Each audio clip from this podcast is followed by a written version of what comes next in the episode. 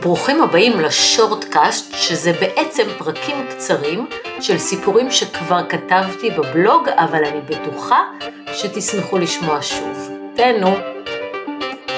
הם נשואים ארבע שנים והספיקו להביא לעולם שני ילדים, אלא שהיחסים ביניהם הלכו ונפרמו עם הזמן, והילדים ועומס החיים. מאז ומתמיד הוא היה טיפוס עצבני, ומפעם לפעם לקה בהתקפות זעם ונע בקיצוניות מאדם חם ואוהב לאדם קר ואכזרי.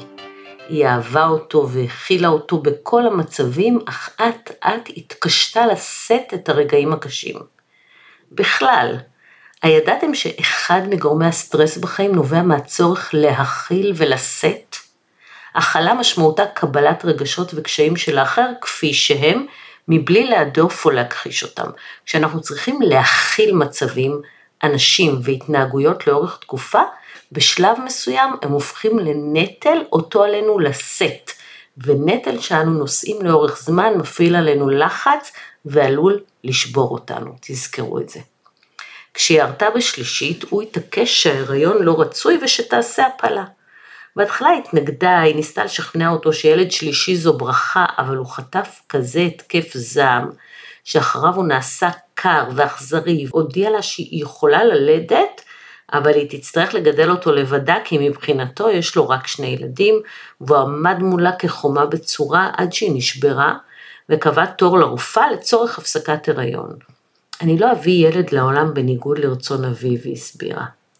היא אמנם הייתה רק בתחילת ההיריון, אבל הסתבר שהפסקת הריון היא פעולה שכפופה לחוק במדינת ישראל, ואי אפשר להפסיק הריון תקין רק בגלל שהקשר הזוגי אינו יכול להכיל ילד שלישי. הרופאה הסבירה לה שבגלל שהיא רק בת 35 בהריון תקין, היא תצטרך לעבור ועדה להפסקת הריון, ולטעון שהילד לא מבעלה כדי שהוועדה תאשר להפלה. וכך היא עשתה. הוא נשם לרווחה כשהאירוע הסתיים והוא חיבק אותה והיא נשמה עמוק, נשכה את שפתיה, בלעה דמעותיה ועשתה את הצעד הראשון לקראת גירושיה.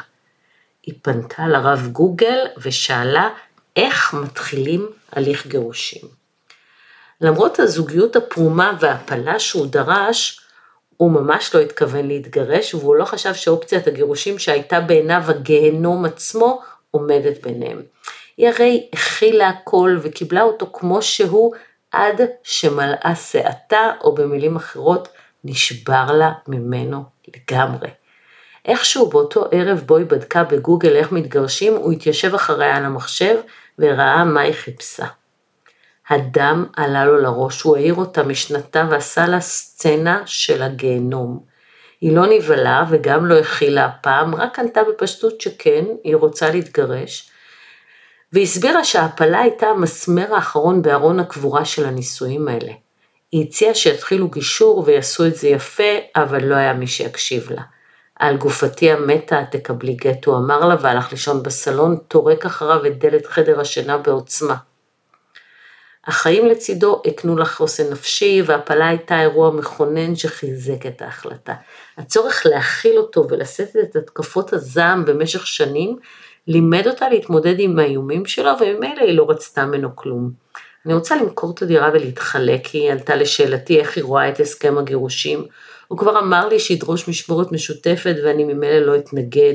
אני מרוויחה קצת יותר ממנו, אז למרות שהילדים קטנים אני מוותרת לו על מזונות, רק שיתחלק איתי חצי חצי בהוצאות שלהם, הדבר היחיד שאני רוצה זה גט, כי אני לא מתכוונת לוותר על עוד ילדים.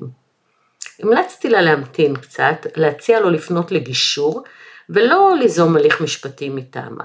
הסברתי לה שאם הוא יסכים לגישור, אולי הם יצליחו להגיע להסכם, ואם יסרב וייזום הליך בעצמו, גם ברבני, צעד כזה דווקא ישרת את האינטרסים שלה.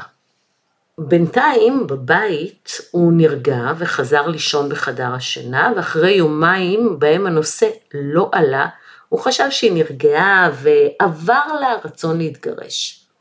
אלא שאז היא ביקשה שידברו והציעה שוב שהם יפנו לגישור. התגובה שלו הייתה מהירה וזועמת.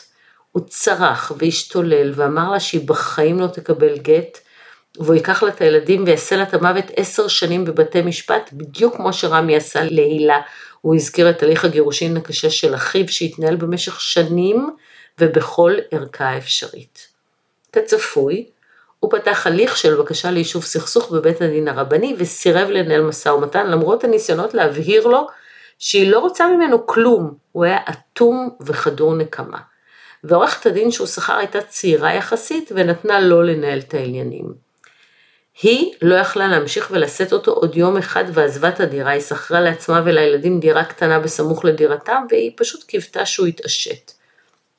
העזיבה שלה רק הטריפה אותו יותר ומהר מאוד הוא הגיש תביעת גירושים אליה הוא כרך את ענייני המשמורת, המזונות וחלוקת הרכוש. בתביעה הוא טען שאישה מורדת שבגדה בו והרתה מגבר זר, ולראיה מה הוא צירף? הוא צירף את מסמכי הוועדה להפסקת הריון וטען שהיא עצמה מודה בכך בחתימת ידה. לכן, כך הוא כתב בתביעתו, צריך לקחת ממנה את הילדים, לקבוע את משמורתם אצלו, למרות שהכנתי אותה לטענות האלה.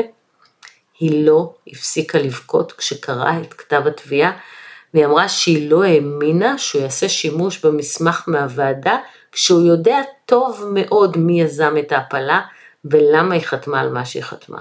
אני דווקא הייתי רגועה ואפילו חייכתי קצת בלב, כי אני יודעת שקרמה איזה ביץ', ואני מכירה את תגובת הדיינים לטיעון הזה.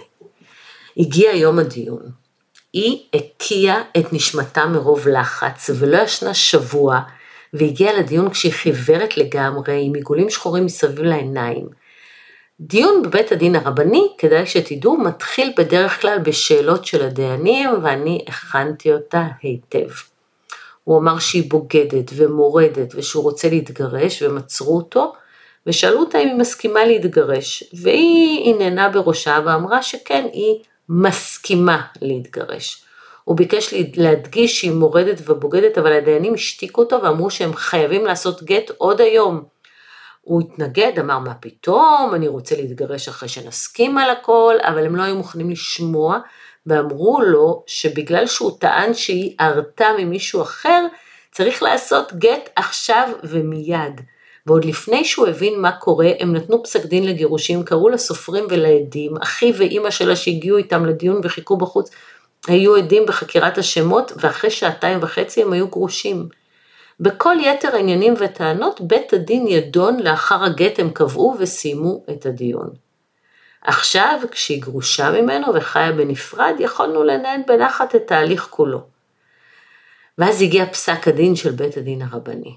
הדירה הועמדה למכירה מיידית. המשמורת משותפת, אבל נקבע שהוא ישעה עם הילדים פעמיים בשבוע בכל סוף שבוע שני עד מוצאי שבת, והוא חויב לשלם לה מזונות ילדים של 3,000 שקל.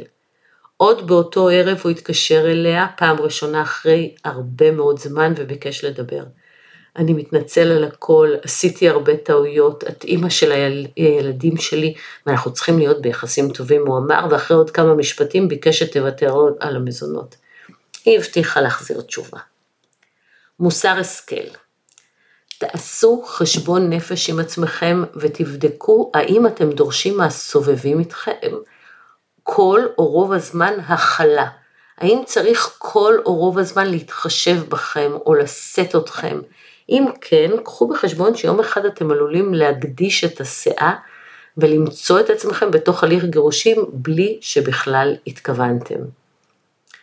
בית הדין הרבני הוא כלי אסטרטגי בהליך גירושים, צריך לדעת לעשות בו שימוש נכון, אחרת זה עלול לעלות ביוקר וטעויות במקרה כזה הן בלתי הפיכות. ולכן אל תרוצו לבית הדין הרבני גם אם אתם בטוחים שיש לכם קלף מנצח ביד. אתם עלולים לגלות שמה שיש לכם ביד זה לא קלף מנצח אלא דווקא בומרנג, כי ככה זה עם קרמה ובמיוחד בגירושים. הרע שתעשו יחזור אליכם. אל תחצו קווים אדומים ואל תעשו שימוש לרעה בדברים שעשיתם ביחד. בטח לא במסמכי ועדה להפסקת הריון שאתם יזמתם. לנהל הליך משפטי רק כדי לנקום זו טעות גדולה. קודם כל, תקשיבו טוב טוב למה שאומרים לכם, אתם עשויים לגלות שמוצע לכם הסכם טוב.